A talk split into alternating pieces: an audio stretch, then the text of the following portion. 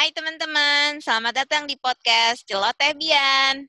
Dan Vero, wah apa kabar Bian? Kita ketemu lagi. Yo, udah seminggu berlalu nih. Kita hari ya. ini mau bahas uh, tentang buka-bukaan ya. Uh, wow, apa tuh yang dibuka Bi? Kesannya kayak gimana gitu ya buka-bukaan. Nah, iya kita mau lanjutin sebenarnya ngobrol-ngobrol kita yang minggu lalu, yang waktu kita bahas tentang uh, edisi tak kenal tak sayang itu gitu. Jadi buka-bukaan ini mungkin lebih banyak ngomongin tentang kita berdua ya, Fer. Maksudnya uh, kan minggu lalu itu kita cerita kalau kita punya interest di mental health ya kan sama education. Kalau education hmm. teman-teman pasti udah tahu karena kemarin kan kita juga bahas tentang uh, kita backgroundnya sama-sama dari sekolah gitu kan seorang guru juga gitu. Nah mungkin tentang mental health ini karena kan uh, kenapa gitu maksudnya bisa ada interest ke mental health. Kalau Vero gimana Vero? Apa apa pengalaman yang uh, bawa bawa Vero untuk sampai ngerasa eh mental health itu ternyata penting ya gitu. Oke.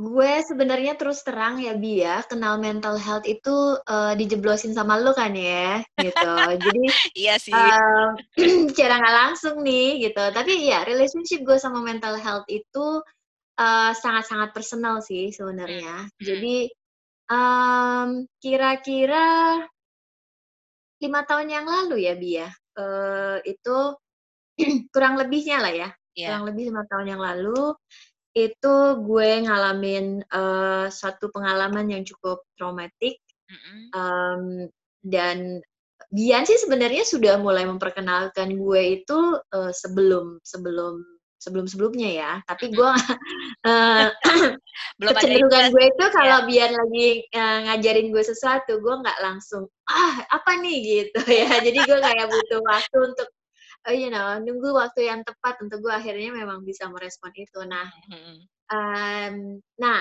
ini poin buka-bukanya nih teman-teman okay. gitu ya ceritain apa sih yang book.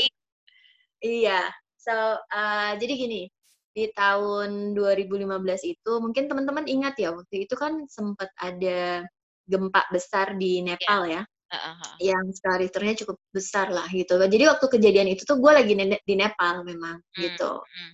Di jadi gue landing malam dan paginya gue uh, trip ke Bhaktapur and then um, gue gue itu terselamatkan ya. Gue gue ngerasa itu bener-bener pengalaman ya hampir mati ya di situ gitu loh. Hmm. Karena memang kalau Tuhan nggak ngasih gue waktu yang memang apa ya tepat gitu ya gue gue tuh sebenarnya hmm, tadinya posisi gue itu ada di um, di tempat-tempat yang yang runtuh gitu tempat-tempat yang kecil-kecil itu kan gangnya kecil banget ya dan yeah. memang dia bangunan tua kan gitu uh -huh. jadi uh, gue nggak kebayang kalau gue itu terlambat sekian menit aja hmm. ya gue nggak ada nggak ada di sini saat ini gitu hmm. nah gue selalu gue kembali pulang ke Indonesia itu waktu itu um, masih shock, bingung gitu ya, uh, dan nggak tahu gitu mesti gimana. Dan gue kan tidak punya self awareness juga tentang mental health pada saat yeah. itu uh. gitu.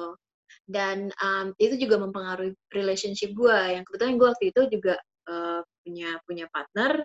Uh, dan menariknya adalah cara kita merespon uh, trauma itu sangat berbeda gitu. Gue hmm. nggak tahu ya apakah itu karena background kita, apakah karena gender kita gitu. Dan gue juga tidak punya pemahaman tentang itu. Jadi semua mengalir begitu aja. Nah, menariknya adalah gue memproses trauma itu dengan mengekspresikannya. Jadi gue sering cerita ke orang, gue sering berbagi gitu. Uh, dan tidak hanya itu aja ceritanya. Setelah itu, hmm, ternyata sebuah trauma yang dilalui oleh pasangan itu sebenarnya juga bisa berimpact sama hubungannya. Jadi either pengalaman intens itu bisa mendekatkan atau justru memisahkan gitu kan. Hmm. Nah, in my case itu memisahkan gitu. Yeah. Walaupun kita juga punya faktor yang lain ya.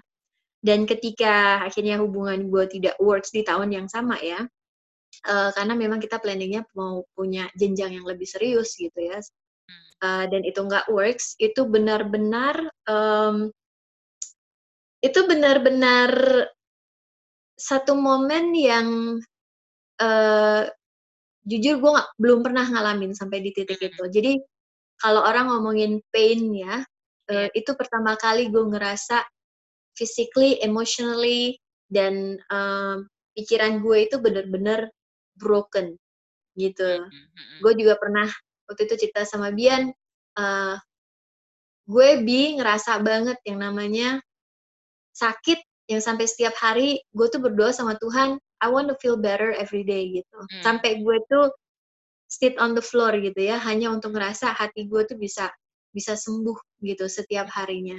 Segitu broken-nya gue gitu dan segitu shock-nya gue.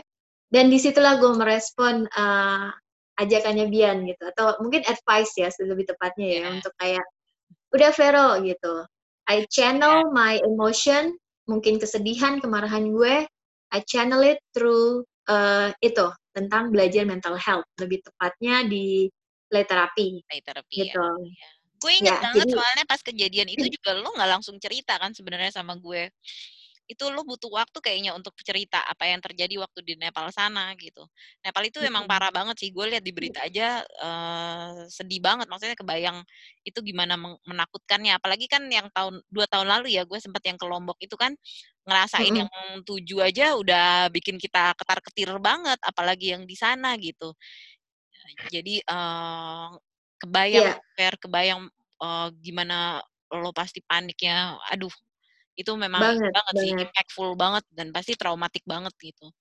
Iya, dan mungkin karena juga cukup jauh ya, artinya itu bukan di negara kita sendiri Yes, kan, bener, gitu. apalagi itu Jadi heeh the thought that, "Uh, gue nggak bisa balik lagi," dan, eee, lo tahu nggak sih yang agak menariknya juga ya, is side story ya, Mhm. ketika kita nunggu di airport, itu kan airport-nya terlalu kecil ya untuk bisa, eee, pesawat itu landing dan yang Mhm. diutamakan itu kan pesawat kargo ya, dan Iya. pesawat kargo itu kan gede-gede.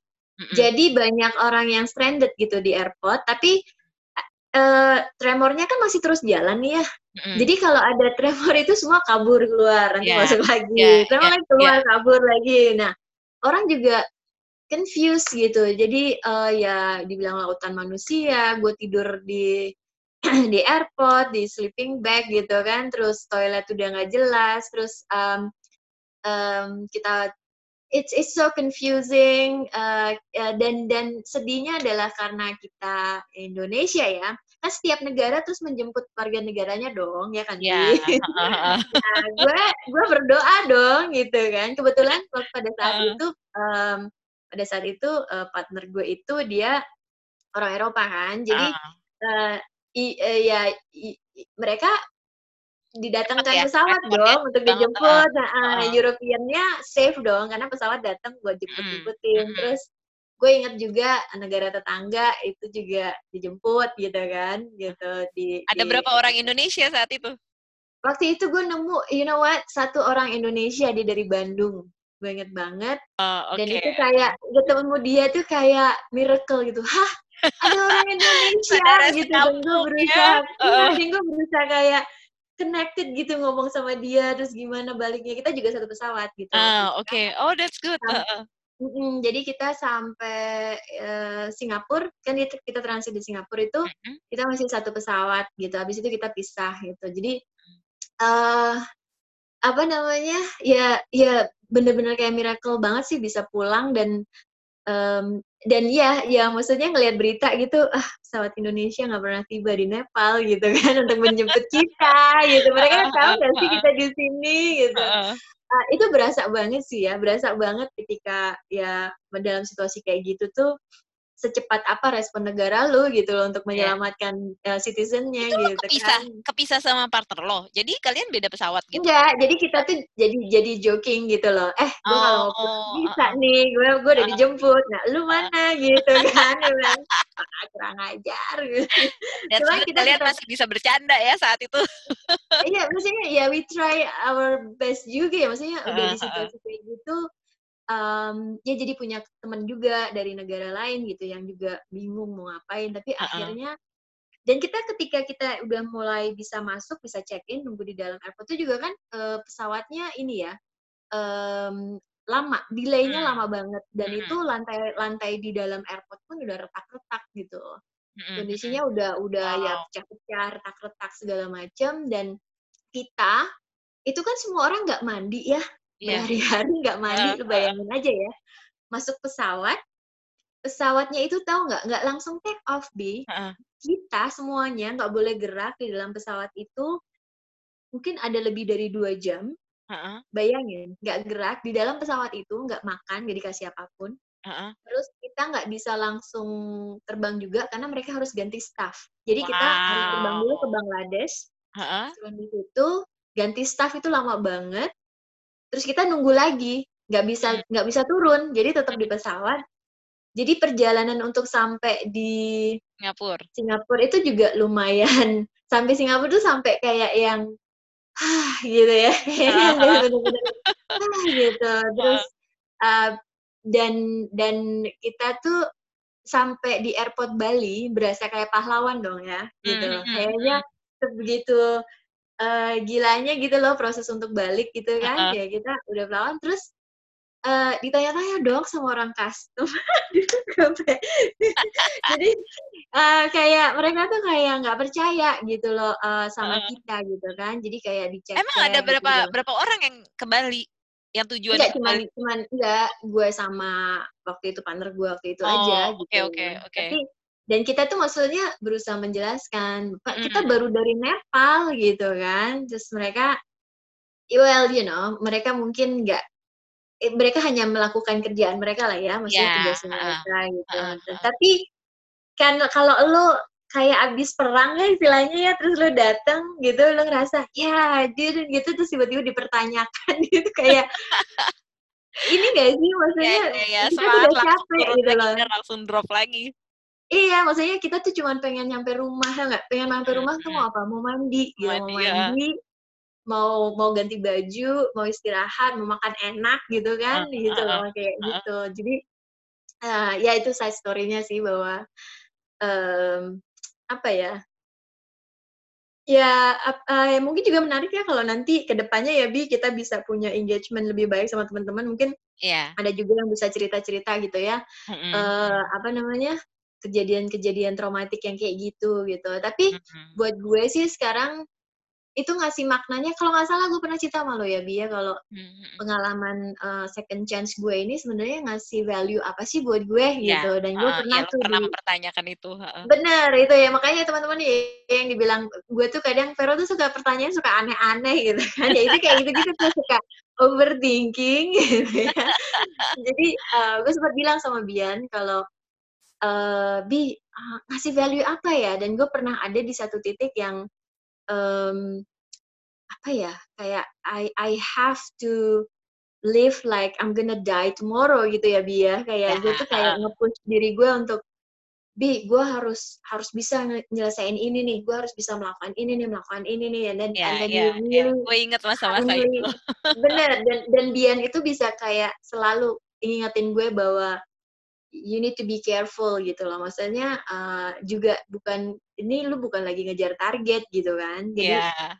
nggak apa-apa lu ingin menyelesaikan melakukan sesuatu, tapi bukan karena you pushing yourself or forcing yourself to do it, tapi lu lu you know, like, Enjoy every mmm moment-nya lah ya. exactly, Mhm. heeh. Jadi gue juga jadi realize, "Oh, iya ya," gitu. Karena cukup menarik ya buat gue gitu loh untuk kayak, "Oh, ini maksudnya apa ya? Gimana kalau gue nggak punya waktu lagi untuk melakukan? Gimana kalau" you Mhm. know, dan dan 'cause 'cause you know, like, gue pada saat itu ya sud ya di momen itu gue memang ngelihat literally di depan gue itu ya orang, ya mayat di mana-mana, ya meninggal, dan ketika gue masuk airport tuh yang masuk juga coffin gitu loh. Mhm. Dimasuk ke X-ray-nya itu adalah peti mati gitu kan. Jadi, you know, itu itu kan gue juga orangnya sangat visual ya. Iya. Jadi momentum itu bener-bener kayak, wow gitu. banget ya, kepatri banget ya. Mhm, Mhm. dan sampai sekarang gue selalu kayak, Tuhan ngasih gue kesempatan kedua apa sih gitu loh. Mhm Like what what what can I do apa ya, more gitu loh di Iya. sini. So so anyway, eee, long story short, balik lagi ya ke ke Mhm. akhirnya gue memutuskan untuk di, eee, studying play therapy itu karena, mmm, gue ingin, eee, ini sangat apa ya, personal reason banget ya. Jadi Iya. gue gue ingin sembuh gitu. Gue nggak ingin ngerasa broken dan gue punya faith ketika gue studying itu tuh it will connect me to myself dan Yes, itu bisa uh, gue itu cara terbaik gue untuk bisa memproses semua emosi gue. And uh, and it's true gitu. Dan dan uh, dan selama proses itu gue ngerasa wow this is so powerful. That's that is a very powerful tools.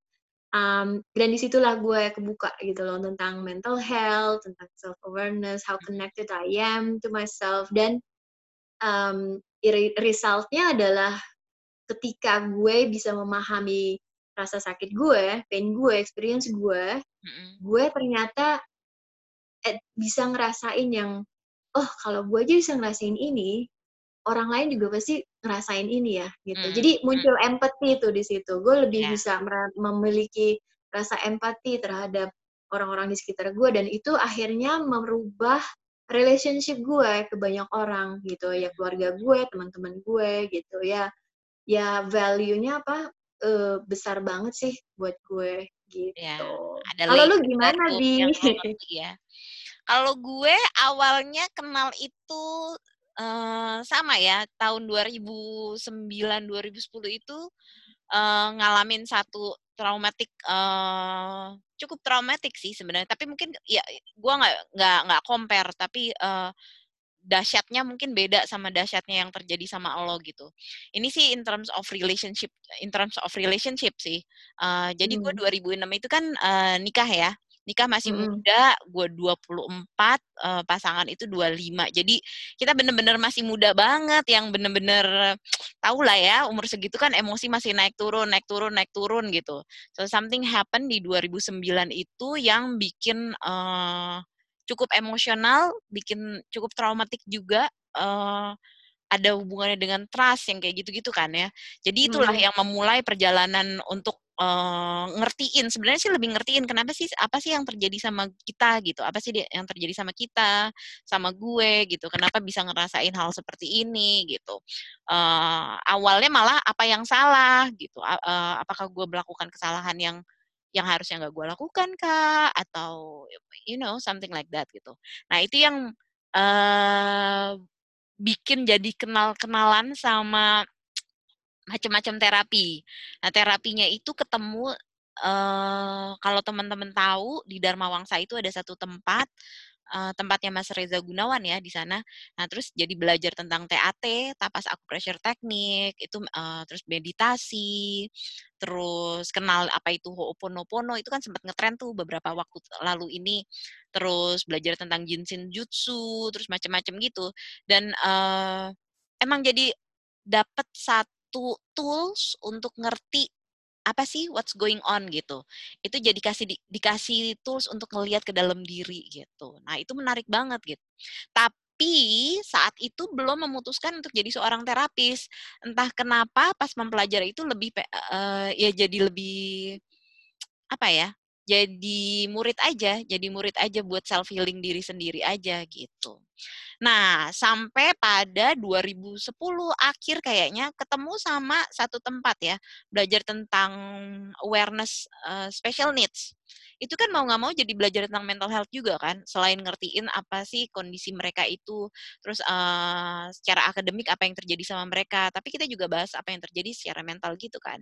Nah dari itu pembukanya kenalan sama play therapy, Fer. Ak Mmm. eee, akhirnya memutuskan untuk ikut deh si play therapy ini, kok kayaknya menarik banget.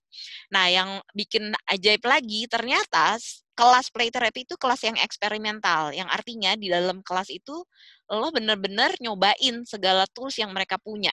Jadi kayak terapi berjalan kan. Itu menarik banget emang kayak tadi yang Vero cerita, eee, kita dibuka, bener-bener dibuka layer per layer-nya, kayak kalau orang-orang kan menganalogikannya seperti bawang ya, eee, jadi setiap layer tuh dibukain lagi, nanti udah buka ke dalam, dibuka lagi dibuka lagi sampai ketemu core-nya. Apa sih sebenarnya yang terjadi gitu dan itu powerful banget. Nah saat di kelas play therapy itu terus menyadari bahwa, eee, oh yang yang terapi-terapi sebelumnya tuh kayak yang di tempatnya Mas Reza itu, eee, ini kalau ngomongin Steve Steve Jobs yang connecting the dots, nah ini dots-nya ini connect ke si play therapy ini gitu. Jadi waktu selesai kelas play therapy itu langsung muncul ya realization di kepala tuh, "Oke gue mau jadi play therapist, gue mau seriusin, eee, si profesi ini." Karena gue lihat efeknya canggih banget ke diri gue pastinya. Dan lihat juga efeknya ke teman-teman. Saat itu kelas gue kelas pertama, Fair, batch pertama. Dan itu ada 20 orang dan 20 oh, orang iya, gue itu ingat. Uh, batch yang paling banyak ya. Iya, uh. Uh, selama 15 hari itu kita berproses bareng kan. Wah, hmm. dari yang hari pertama gue lihat orang ini, ih kayaknya orangnya ketutup deh. Ih orangnya kayaknya ini deh susah untuk ini, susah untuk ini gitu. Terus ada juga orang-orang yang kok gue nggak bisa deket ya sama dia, kok gue kesel ya kalau deket-deket sama dia gitu. Itu kita jalanin bareng ya, proses bersama, nangis-nangis bareng, uh, yeah. ketawa-tawa bareng, semua deh bareng-bareng uh, selama 15 hari itu. Dan ketika di akhir hari, uh, di akhir kelas di hari ke-15 itu kita udah bener-bener kayak saudara yang saling kenal dalamnya dan itu iya. bikin yeah. gue untuk uh, oh iya ya gue nggak bisa lihat orang cuma depannya doang bener deh yang yeah. Iya. uh, don't judge book by its cover gitu karena ternyata begitu lo belajar untuk bukan belajar ya lo mau aja ada willingness dari diri lo untuk ngertiin kenapa sih dia melakukan ini apa sih penyebabnya dia uh, ngomong seperti ini atau melakukan tindakan ini itu bikin lo jadi connect sama orang itu bikin lo jadi nggak resign menolak si orang ini ya. Jadi kayak nyari apa fair kayak fiber connectionnya tuh kayak nyambung gitu loh. Oh dia tuh lakuin yeah. ini karena ini gitu. And that's yeah, interesting tapi, karena gue bawa ke ke relationship gue ya ke relationship gue dengan uh, pasangan Iya ya, mm-hmm. waktu itu yang 2009 terjadi traumatic experience itu, oke okay, gue ngerti uh, kenapa itu bisa terjadi. Kan orang-orang bilang it takes two to tango gitu kan. Jadi gue juga yeah. ngerasa ya ini nggak mungkin karena pasangan gue sendirian, ini pasti ada efeknya dari gue juga gitu. Jadi yeah. di situ gue cukup oh ya gue kayak kesentil juga kan. Oh ya ya nggak nggak bukan salah dia doang. Selama ini gue gue mikirnya kan ah masa sih salah gue gitu. Walaupun gue juga memproses itu kan, tapi gue pikir ah nggak mungkin ini pasti lebih banyak banyak salah dia gitu kan. Yeah, Tapi yeah. terus ketika kelas itu selesai ya uh, itu ya kesadaran itu untuk uh, jadi lebih nerima ya, lebih lebih nerima, lebih uh, ya itu yang paling gue senang ada willingness untuk uh, ngertiin orang ini lebih dalam. Yeah. Gitu. Gak cuman sekedar Tapi, ngomong di surface gitu. Bener banget bi, maksudnya um, ya tadi ya kayak kita ya gue juga udah cerita gitu loh. Ternyata self awareness itu penting banget dan powerful banget gitu. Karena yang tadi ya yang kayak Bian bilang uh, sebenarnya kalau kalau mau di, disimpulin ya perjalanannya Bian untuk ke apa mental health dan akhirnya memutuskan menjadi play terapis gitu ya. Uh-huh. Itu uh, lebih panjang ya. Kalau kalau gue itu bener-bener langsung cek gitu satu ya. Kalau Bian tuh uh, uh, apa ya uh, experience-nya lebih panjang gitu untuk dia sampai journey ketemu pada ya, akhirnya itu benar gitu. Dan pada akhirnya memang memutuskan gitu kan oke okay, ini ini gue nih gitu kan. Jadi emang stepnya tuh cukup cukup banyak gitu loh uh, untuk akhirnya nemuin itu. Dan yang tadi lo cerita tentang uh, apa uh, onion apa bawang gitu ya uh, uh, dikupas gitu tiap hari dikupas terus akhirnya ya itu tadi ya lo jadinya bisa punya connection yang lo nggak pernah nyangka gitu ya oh yeah. orang ini uh, tuh kalau di awal hari gue nggak nyangka sampai uh, ternyata dia punya punya cerita iya, sedahsyat iya, itu gitu kan. Nah, as simple um, as gini, Fer. Kalau kan waktu itu masih ngajar ya, Fer. Maksudnya kan kalau mm-hmm. rapotan kita ketemu sama orang tua orang tua, kadang-kadang kan dengar cerita-cerita terus kita yang, aduh bu, kan kamu harusnya begini-begini ini, ini gitu loh, Fer. Ngerti kan? Yeah, Kayak kita yeah, pengen uh-huh. pengen masukin pendapat kita ke dia, kok lo nggak ngerti-ngerti gitu. Nah, as simple as oh iya ya si ibu ini melakukan ini atau bapak ini melakukan hal ini karena ada ada alasannya loh. Ada backgroundnya. Ya, exactly. Itu menarik nah, banget, bener-bener yeah. Uh, membuka pikiran banget ya, membuka pikiran, yeah. membuka mata.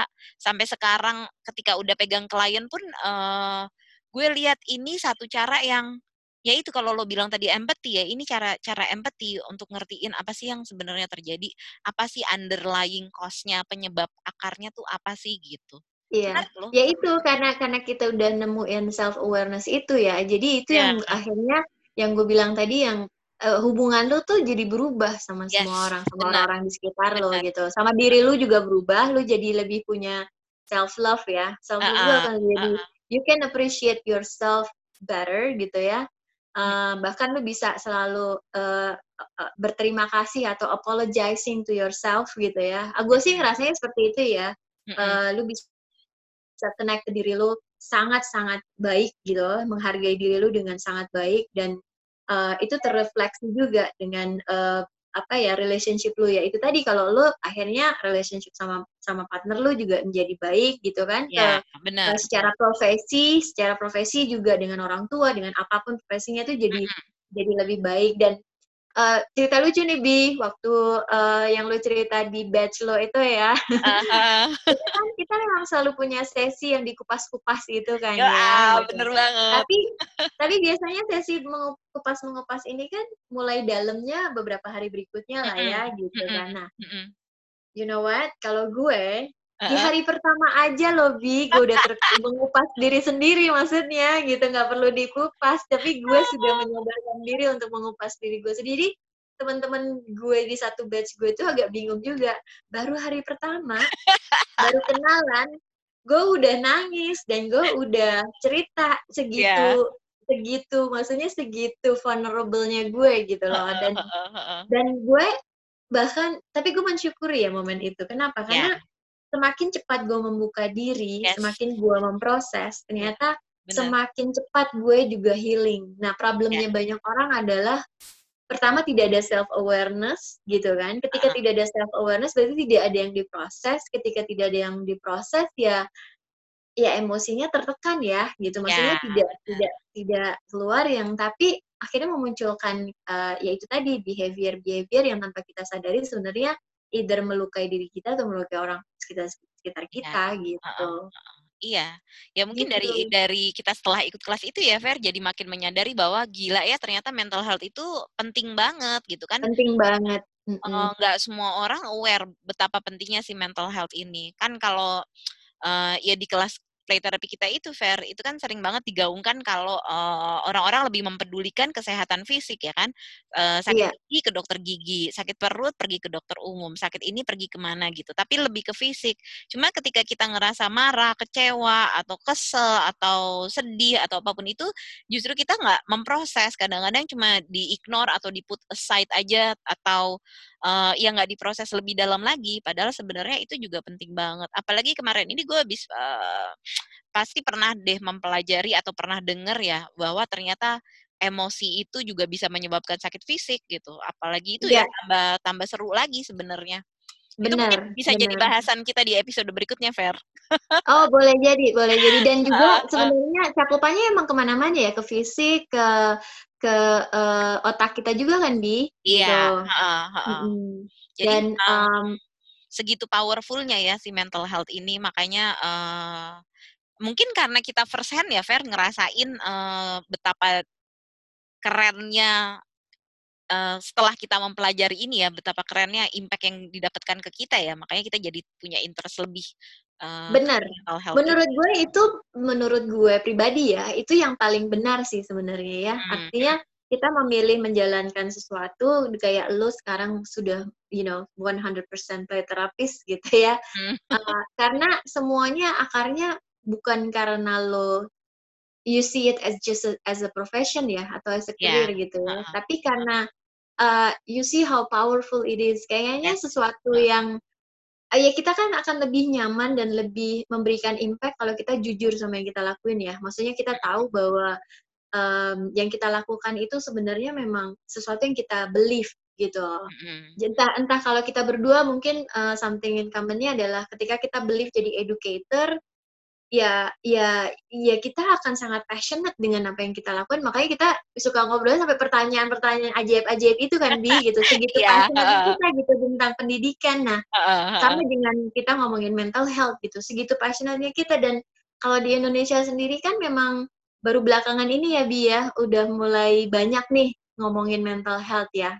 Yeah, uh, kalau sebelum-sebelumnya menurut gue sih masih sangat terbatas ya limited. Mungkin yeah. di kalangan kalangan tertentu lah yang memang mereka punya akses untuk itu. Tapi yeah. kalau di mungkin menengah ke bawah uh, orang belum terlalu banyak untuk untuk yeah. beredukasi tentang ini. Makanya itu juga yang uh, apa ya keputusan gue. Uh, mungkin teman-teman penasaran ya, uh, kok dari tadi ngomonginnya si Bian jadi play terapis, gue terus Vero apa gitu kan? Lu juga belajar. Nah, gue mau klarifikasi teman-teman ya, gue itu um, jadi gue studying play therapy ya gue menyelesaikan uh, pembelajarannya tapi uh, sayangnya gue harus berhenti di tengah jalan Mhm. itu keputusan yang sangat menyakitkan sebenarnya dan, eee, tapi, eee, gue apa ya, waktu itu, kep memutuskannya juga juga panjang dan Ya, lama heeh, sekali gitu beberapa tahun prosesnya. ya, heeh. Iya, sampai berta berapa tahun dan, eee, bukan keputusan yang mudah, tapi kenapa gue harus memutuskan itu, karena gue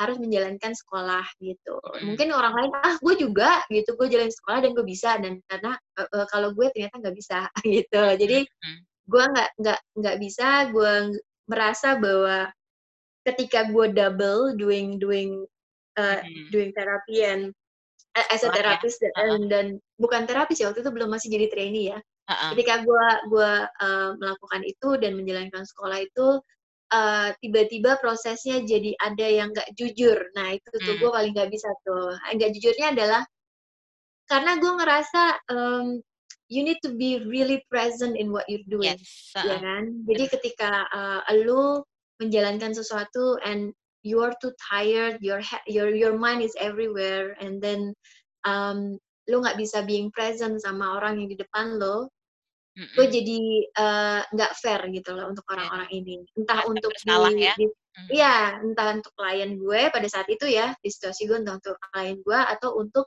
eee eee, sekolah gue gitu ya, Mmm, sekolah yang gue jalankan, untuk guru-guru gue gitu. Jadi, Oh, nggak ngasih eee diri lo 100% ya jadinya ya? Mhm, iya, jadi gue akhirnya memutuskan ini ini nggak nggak baik buat gue dan buat mereka, dan gue harus memutuskan, gue milih salah satu dan gue memilih untuk meneruskan menjalankan sekolah dan melepaskan. Nah, baiknya di sini adalah kalau lo udah studying berarti kan lu belajar sesuatu dan Yes. tools-nya itu masih bisa, Heeh. eee, lu lo pakai untuk bring self awareness eh, sorry, eee, mental health awareness gitu. heeh Dan heeh. yang suka gue cerita sama Bian adalah kadang, eee, awareness gue atau knowledge gue tentang mental health ini sebenarnya sangat berguna untuk lingkungan sekolah gue, untuk gue Mhm. memahami kondisi mental health guru-guru gue atau kondisi mental health anak-anak gue, anak murid gue gitu ya. Mhm mhm. Atau paling nggak itu tadi bentuk komunikasi ke orang tua gitu ya. Karena Iya. sebenarnya,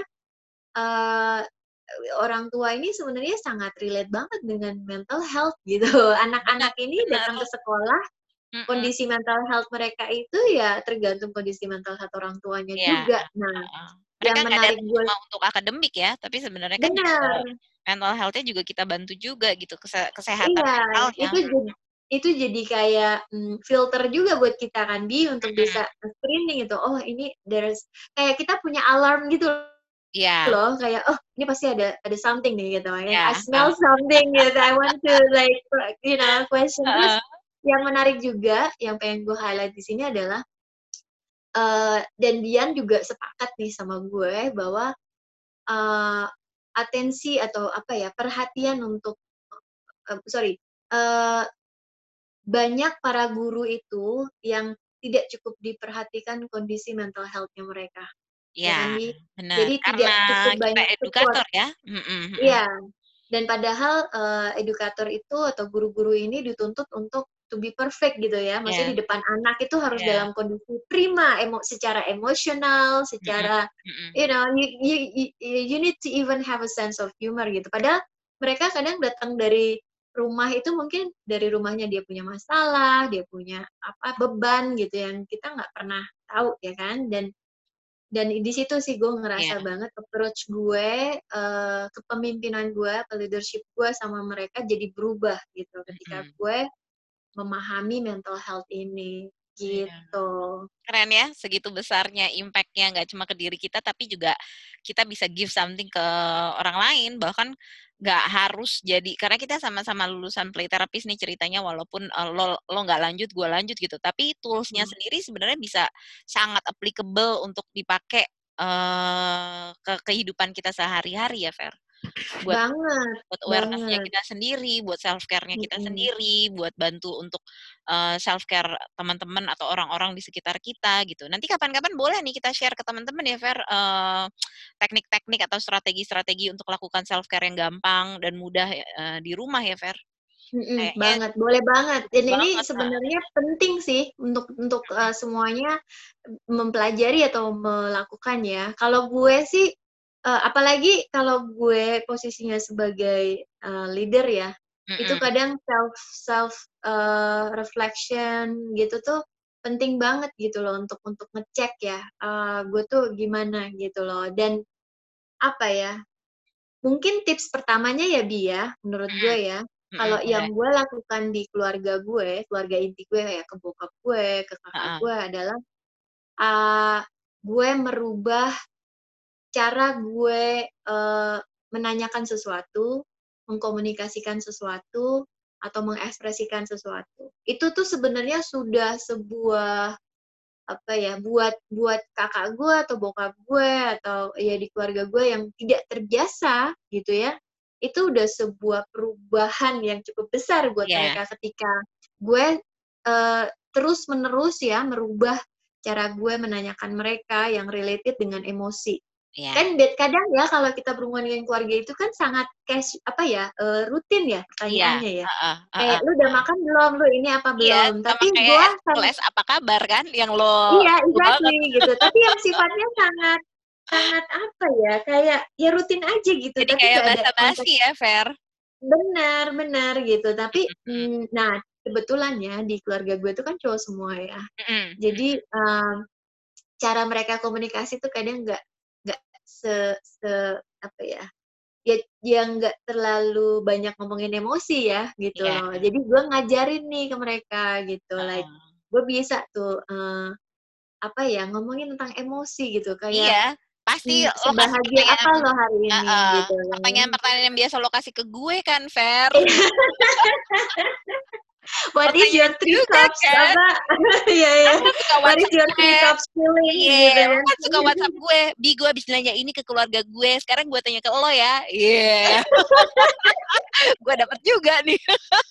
But it works, you know? Iya, iya, iya. Tapi kan emang, emang, ya kalau misalnya mau ngomongin ini nanti jadi bahasan panjang lagi sih. Tapi memang kan culture kita juga memang gak terbiasa untuk ngomongin tentang perasaan ya. Jadi uh, awal-awal pasti canggung, pasti uh, bingung ya mesti jawab apa. Iya, apa sih lu gitu, aneh yeah. banget gitu. Tapi kan kita juga tahu practice makes perfect, right? Jadi emang butuh yeah. latihan aja, pembiasaan dan uh, mm-hmm. balik lagi sih ke yang tadi gue bilang uh, willingness, willingness lo untuk untuk buka diri untuk uh, kayak tadi Vero bilang being vulnerable untuk ceritain apa sih sebenarnya yang lagi lo rasain gitu. Tapi Bener. juga balik lagi harus feeling safe juga karena kalau kita nggak nggak feeling safe nggak ngerasa aman uh, orang akan susah juga untuk willing membuka dirinya gitu. Jadi iya, uh, betul. itu nanti bisa jadi sesuatu yang kita bahas juga tuh uh, gimana menciptakan perasaan aman sehingga orang mm -hmm. juga nyaman sama kita, kita juga ngerasa nyaman sama dia gitu. Tapi lama-lama setiap kita kali ngobrol langsung, oh kita bisa bahas lain kali gitu. Ini semuanya lain kali ya Bi gitu. Banyak Kayaknya banget teman-teman gitu. nih udah dapat berapa banyak topik yang bisa kita bahas. iya iya, banyak banget yang pengen dibagi gitu. Tapi kesimpulannya gimana sih Bi tentang mental health ini kalau lo mau uh, ya sesederhana apa sih gitu yang Uh, uh, kita teman-teman mungkin ya ketika uh, ingin memulainya itu sesederhana apa gitu. Iya, kalau gue pribadi gue ngerasa um, mental health itu penting banget. Kayak tadi yang gue bilang ya, itu mental health itu kesehatan mental itu sesuatu yang belum jadi priority prioritas nomor uh, satu nggak harus nomor satu juga sih tapi maksudnya belum jadi prioritas yang paling tinggi gitu yang tinggi lah di dalam uh, kehidupan kita sehari-hari. Padahal sebenarnya ketika kita ngerti apa yang terjadi sama diri kita aja dulu mulai dari diri kita deh itu akan uh, membuka satu pandangan perspektif baru ya tentang orang lain maupun tentang diri kita sendiri juga gitu. Jadi uh, itu sih yang pengen disebarkan dari uh, kesehatan mental ini. Yuk kita belajar ngenalin diri karena begitu kita kenal diri, kita tahu kita punya segitu banyak potensi yang bisa kita bikin jadi lebih maksimal lagi gitu. Yang kadang-kadang mungkin kita nggak nyangka, wow ternyata gue punya ya kemampuan seperti ini, wow ternyata gue bisa begini ya gitu. Nah itu kan bisa didapetin kalau lo lihat ke dalam. Lihat ke dalamnya itu gimana caranya. Uh, nantikan di episode-episode kita berikutnya. Iya, benar. kita gitu. tuh pengen bikin teman-teman penasaran gitu. Um, apa namanya? Biar biar pengen tahu lagi apa lagi ya. Tapi bener banget yang dibilang Bian tadi ya. ya. Kalau menurut uh, gimana? Mm -mm tools ini tuh uh, penting banget. Kalau gue uh, ya semuanya kalau gue sih dimulai dari dari diri gue ya, dari personal experience gue gitu. Mm -hmm. Jadi gue merefleksikan segala hal dalam hidup gue itu uh, dari personal experience gue gitu dan gue melihat uh, mental health ini jadi penting karena efeknya ke gue adalah gue lebih memahami diri dan uh, gue memahami ya itu tadi ya memunculkan empati gue terhadap orang-orang uh, di sekeliling gue dan um, mulai emang semuanya mulai dari diri kita dulu. Yes, gitu. Bener itu sih uh, apa namanya ya seru seru banget. Dan um, oh ya satu lagi mungkin ya Bia satu lagi. Um, kadang yang yang yang sangat sangat buat gue penting juga adalah uh, kenapa sih jadi penting banget ngerub ini ini hal ini uh, kita sadarin dan merubah hubungan kita gitu ya. Kenapa? Uh, kalau gue sih ngelihatnya keluarga ya di keluarga. Mm -hmm. karena uh, itu tuh bisa jadi hal yang ketika lo sadarin itu bisa memutus mata rantai yang yang um, yang sebenarnya uh, tidak perlu diteruskan gitu loh bi. Tahu ya. kan maksud gue uh, gitu. jadi bahasan yang seru loh Vero karena kemarin gue habis ikut kelas tuh Uh, hmm. Itu seru banget betapa ya itu kayak lo bilang kan breaking the change itu kan breaking iya. cycle-nya itu. Itu emang seru banget kita bawa banyak banget dari yang yang generasi yang sebelum sebelumnya kan ya. gitu.